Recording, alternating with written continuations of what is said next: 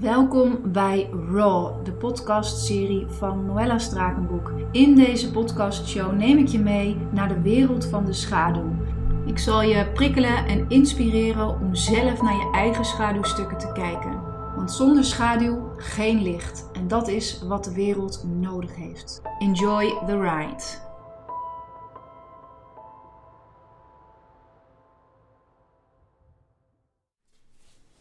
Lief mens, terwijl de regen hier op het dak klettert, zit ik in Studio Apollo, mijn atelier, en zend ik mijn message de wereld in.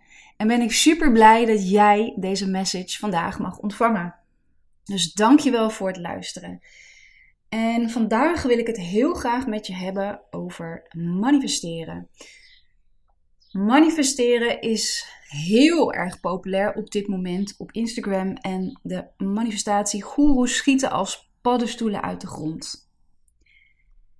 En ik vind hier best wel wat van, omdat ehm, ja, ik niet altijd geloof dat je leven manifesteren op de juiste manier gebeurt. Wat ik heb gemerkt is dat het vaak vanuit het brein gebeurt. Dus dat het vooral een wens is van het ego om iets te manifesteren. En daar hebben we dan een aantal trucjes voor om dat dus in de werkelijkheid naar ons toe te trekken.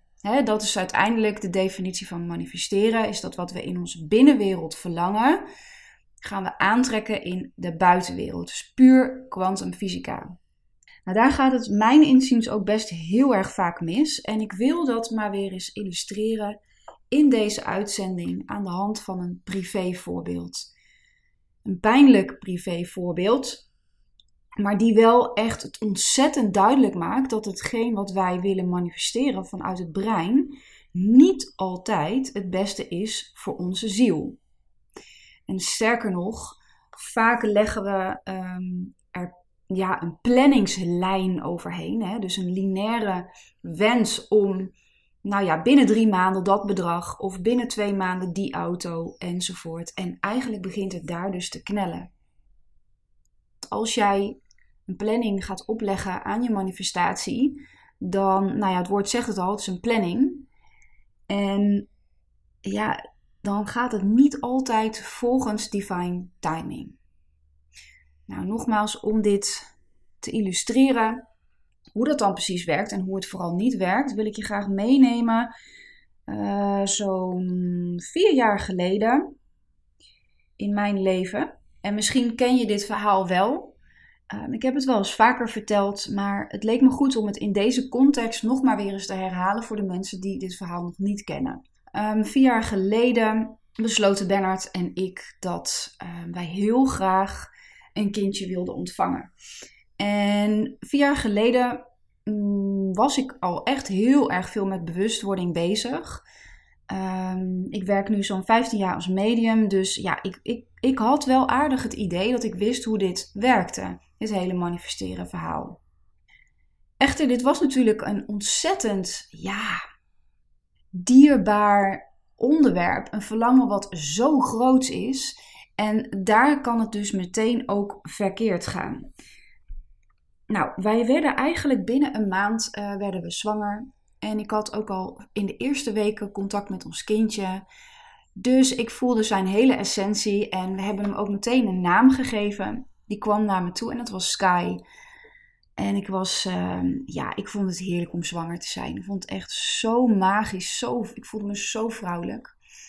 En helaas mocht Sky dus niet naar de aarde komen en moest hij echt ook in de sky blijven en verliet hij ons na uh, eh, 13 weken. En toen brak er voor mij echt een ontzettend donkere periode aan. Ik voelde me verlaten door spirit, um, zelfs door God. Ik zei van jongens, ik werk al nou tien jaar um, voor de spirit world. Is dit het nou? Ik was eigenlijk, ben ik een jaar lang boos geweest. Ik was echt zo, zo, zo, zo verdrietig. Zo in rouw. En ik had vooral het gevoel dat een macht buiten mijzelf om mij dit aandeed. Zo voelde het ook echt. Nou, na een jaar begon eigenlijk, begonnen die donkere wolken op te klaren. En toen dacht ik, nou, ik geloof dat ik mijn lichaam en mijn ziel en mijn hart wel weer open wil stellen voor nieuwe, voor nieuwe, ja, nieuwe mogelijkheid. Inmiddels was ik natuurlijk ook al wel wat ouder geworden, kwam ik in aanmerking voor een IUI-traject in het ziekenhuis. Dat betekent dus, IUI betekent als je dat niet weet, ehm, dat je dus geïnsemineerd wordt. En uh, dat je eitjes worden geoptimaliseerd door middel van hormonen. Dus ik moest echt hormonen prikken en uh, nou, ik vond het een gedoe. En eigenlijk was dat een periode van drie jaar. In die tijd was ik ook ontzettend bezig met te manifesteren, want ja, ik wilde dit natuurlijk heel graag. En ik volgde alle theorietjes die de manifestatiegoeroes mij aanreikten. Zo had ik uh, een briefje met ik ben zwanger in september. En toen was het iets van juni of zo. En braaf, iedere ochtend als ik opstond, was dat het eerste wat ik zei. En als ik dan s'avonds ging slapen, was dat ook het laatste wat ik zei. Ik zei het netjes hardop. Nou ja, je kent wellicht de uh, manifestatieregels um, wel. Dus ik voldeed aan alle regels. En ik was daar behoorlijk determinated in. Ik, ik, ik wist ook gewoon, die gaat, dit gaat gewoon lukken. Ik had er helemaal geen twijfel over. En wat denk je, in september ben ik jarig. Op mijn verjaardag, je gelooft het niet, uh, was ik aan de beurt voor een IUI. Dus uh, ik ging het ziekenhuis in en ik weet nog dat ik heel arrogant zei tegen die uh, arts van... Nou, ik kom mijn baby halen. En zo geschiedde. Ik werd zwanger. Ja, en ik was er ook helemaal dus ook niet verbaasd over of zo. Ik had zoiets ja, hè, tuurlijk. Uh, ja, manifestation queen, bla bla bla. Maar wat gebeurde er?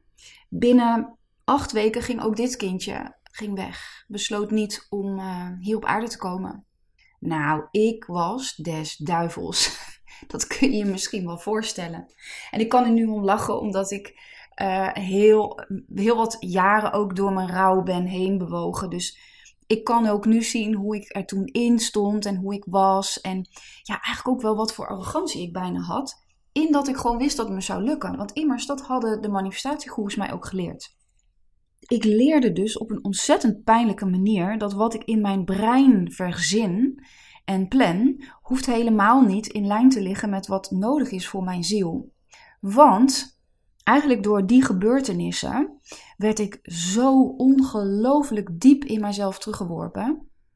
Het was zo, zo intens, zo donker, zo ja, ik, ik, ik, ik, ik, ik voelde me ook letterlijk een soort dood van binnen. En ik noemde mijn, mijn baarmoeder ook mijn kerkhof. Dus ja, ik, ik, het was een hele beladen plek voor mij geworden. Ook door alle behandelingen die ik daar had gehad. En ik was compleet afgesneden van dat gebied.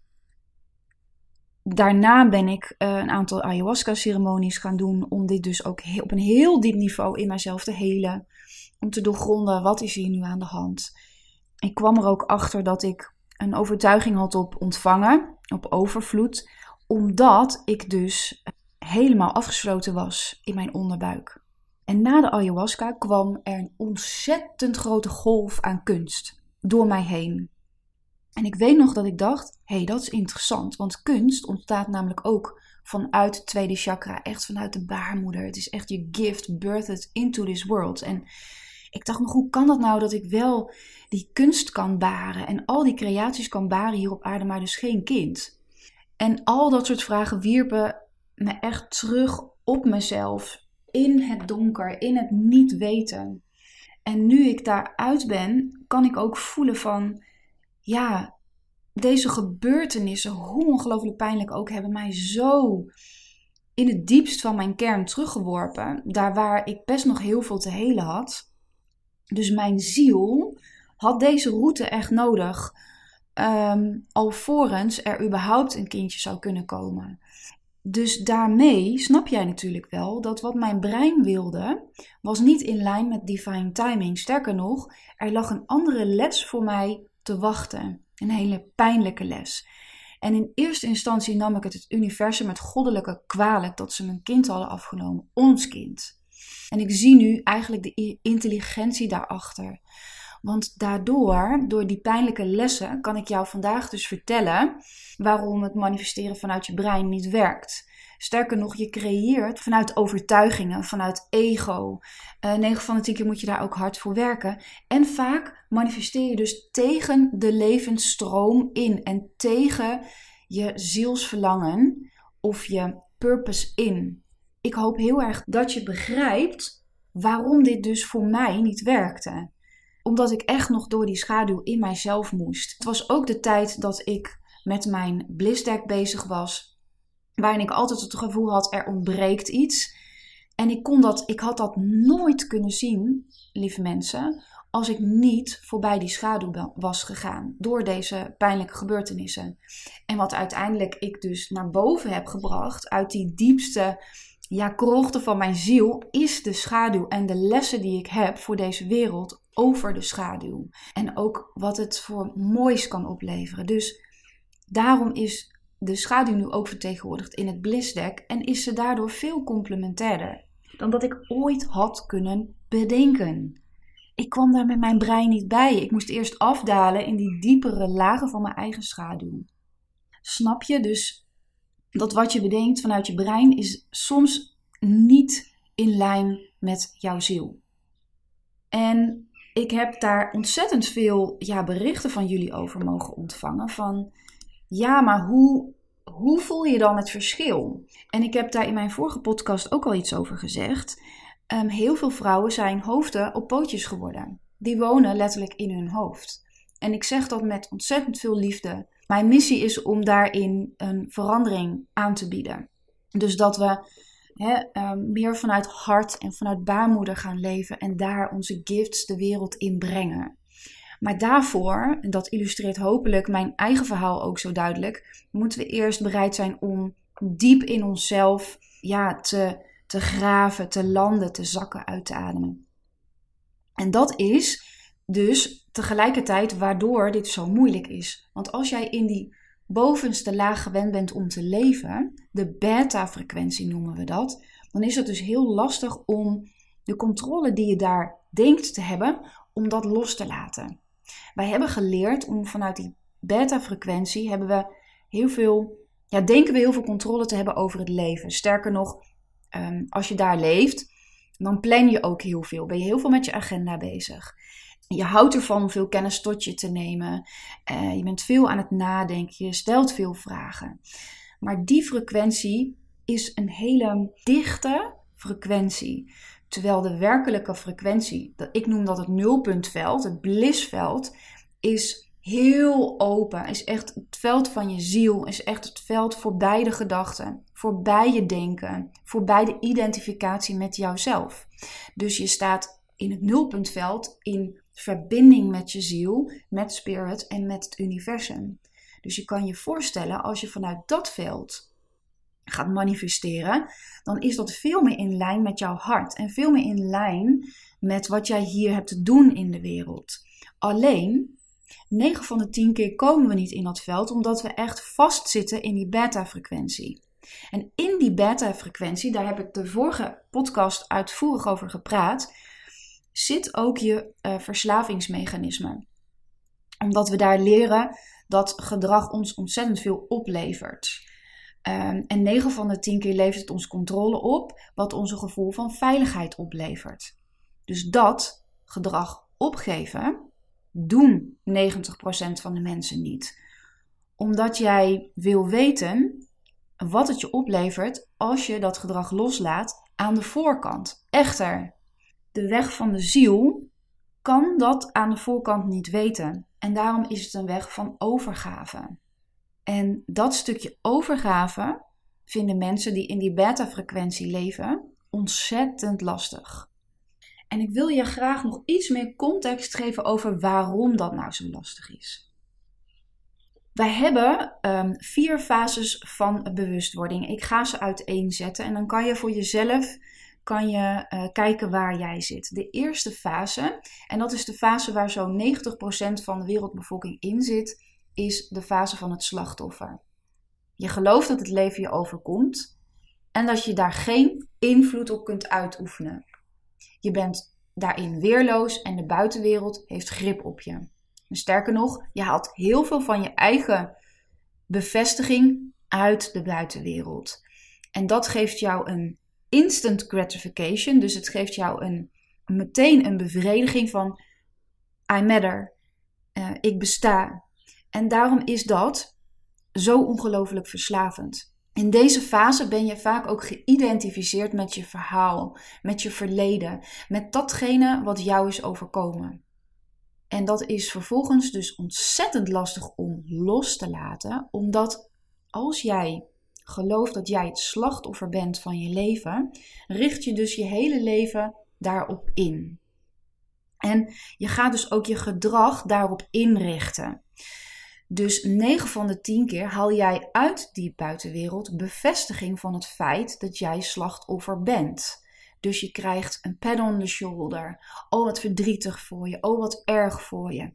Dat zijn de stukken die je haalt uit de buitenwereld. Om dus een bevestiging van jouw binnenwereld te krijgen dat jij slachtoffer bent van deze omstandigheden. Je ziet hier een mooie dynamiek ontstaan hè, van dus gedrag dat jij hebt, wat jou iets oplevert. Het levert jou op de bevestiging van jouw eigen overtuiging dat jij het slachtoffer bent. Dat is een zwaar verslavend gevoel. Ik ga je hier ook een voorbeeld van geven, omdat ik hou van voorbeelden, want het illustreert het zo lekker. Toen ik 30 was, had ik de zware overtuiging: mannen verlaten mij. En dat kent een hele geschiedenis, daar ga ik nu niet over uitweiden, maar um, die ligt ten grondslag aan dat ik verlaten ben door mijn biologische vader toen mijn moeder nog zwanger was. Dus het verlaten lag in mijn DNA, omdat mijn moeder dat dus ook ontzettend geloofde. En mijn moeder die geloofde ook mannen verlaten je. En eigenlijk vanuit die overtuiging heeft ze mij opgevoed.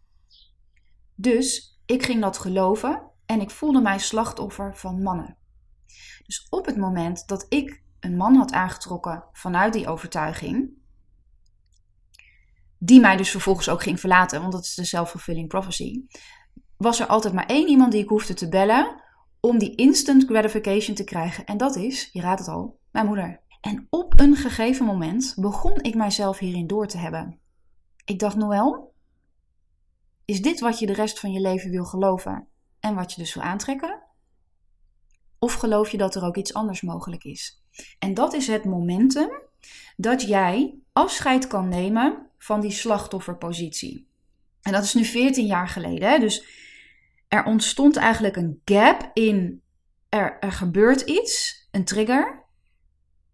Mijn conditionering om mijn moeder te bellen om die gratification te halen. Daarin was een gedachte, Noël, is dit wat jij werkelijk gelooft? En dit is het moment om dus die loop waar jij in bent beland te doorbreken. Ik besloot dus mijn moeder niet meer te bellen. Ik besloot om met mijzelf het gesprek aan te gaan. Dus ik besloot om mij niet langer slachtoffer te voelen van deze omstandigheden. En dat was dus ook het moment dat ik de bereidheid had om dit gedrag en hetgeen wat het mij opleverde los te laten. En ik moest daar echt steeds over nadenken. Iedere keer dat ik haar wilde bellen: Nee, Noël, we gaan nu dit omdraaien. We gaan iets anders geloven. Ik wil iets anders voelen in mijn hart. En op dat moment shift jij naar de tweede fase van bewustwording. En dat is, dan word je de manifesteerder. Je weet het onderscheid tussen je gedachten en je werkelijke zelf. Ik voelde namelijk dat de gedachten die ik had niet van mij waren. Die waren van mijn moeder en ik ben ze gaan geloven. En op dat moment kon ik er dus ook afstand van nemen. En in deze fase weet je ook dat de positieve gevoelens altijd een positieve outcome hebben in je buitenwereld. Echter kwam ik dus nog uit die beta-frequentie en was ik nog niet helemaal geland in, ja, in de diepste core van mijn ziel. Ik was vooral nog bezig met love and light en bliss. dus ik, ik, ik, ik geloofde vooral dat je positieve gedachten moest hebben om dus een positieve outcome te krijgen. dus dat is even dat voorbeeld van het kindje manifesteren. Dus ik manifesteerde vooral vanuit mijn hoofd. En ik dacht te voelen dat ik mijn hart daarin voelde. En toen mijn hart werd afgenomen, voor mijn gevoel, hè, door die kindjes die weggingen, kon ik pas voelen: dat hart zit er helemaal niet in. Ik bedacht het gewoon. En toen ik bereid was om dus op nog dieper level over te geven hieraan, werd ik het instrument. Dat is de derde fase van bewustwording. Ik werd het instrument. Ik gaf mij over. Ik hoefde het niet zozeer meer te weten. Ik hoefde alleen maar mijn ziel te volgen. Ik hoefde alleen maar te luisteren naar de stem van mijn hart, naar de guidance van mijn baarmoeder. En in die fase werd ik dus echt dienstbaar. dienstbaar aan mijn missie. En ik kon heel makkelijk de universele tekens op mijn pad volgen en vanuit daar geïnspireerde actie ondernemen. Dus ik kan mij letterlijk nu overgeven aan het leven. En ik heb ook het gevoel dat ik niks meer hoef te doen. Ik hoef alleen maar mijn eigen bliss te volgen. Te wachten totdat dat zich manifesteert in de buitenwereld. Doordat ik daar een geïnspireerde actie opneem. En niet een actie vanuit planning, strategie, marketing. Want dat is immers weer naar die beta-frequentie het manifesteren vanuit je ziel doe je vanuit je nulpuntveld. Dus dat is echt, je hebt de beta als de hoogste frequentie van de meeste gedachten gefocust op de buitenwereld. Dan heb je alfa, theta, delta. En die theta delta gaat eigenlijk voorbij de fase van slaap. is een diepe meditatie. En is echt een veld waarbij je volledig een middel bent van je ziel. Je bent een instrument van het universum, van je zielenmissie. Je bedenkt het niet, maar het komt naar je toe. En die wijsheid komt van binnenuit en dan neem je daar in de buitenwereld een stap op en niet andersom. dus je gaat niet de stap bedenken en ook de missie bedenken. Nee, je laat jezelf terugvallen in jezelf naar het punt waarin je dus niet weet, dus dat oncomfortabele stuk. En je valt terug en je valt terug en daar komen eigenlijk de antwoorden als vanzelf naar je toe. Je hoeft er niet naar te grijpen, je hoeft er niet hard voor te werken. Het komt moeiteloos naar je toe. En dan beland je in die vierde fase. Als jij de bereidheid hebt om vanuit je slachtofferpositie het gedrag los te laten en helemaal terug te vallen in de not knowing, dan kom je in de fase van de schepper. Je leeft in afstemming met jouw ziel en het universum werkt door je heen. Je bent een uiting van het universum. Dus jij leeft niet in het universum, maar het universum leeft in jou, door jou heen. En in deze fase voel je dat alles in verbinding is met elkaar en dat toeval niet bestaat. Want jouw buitenwereld is een perfecte reflectie van je binnenwereld geworden. Dat betekent dus dat je al je gedachten, al je overtuigingen flink onder de loep mag nemen. Is dit werkelijk waar wat ik nu denk? Is dit werkelijk waar wat ik nu geloof? Is dit wat ik werkelijk voel? Of denk ik dit te voelen? Punt is, als je je terug laat vallen naar je nulpuntveld en jij bent een beetje verslaafd aan die beta-frequentie om daar te zijn, dan neemt dus ook constant het brein van je over. Dus dat brein wil constant controle, wil constant invloed. En jij zal dus daar heel bewust van moeten zijn om dus constant die afscheid te nemen van die gedachten. En weer terug te vallen naar het nul.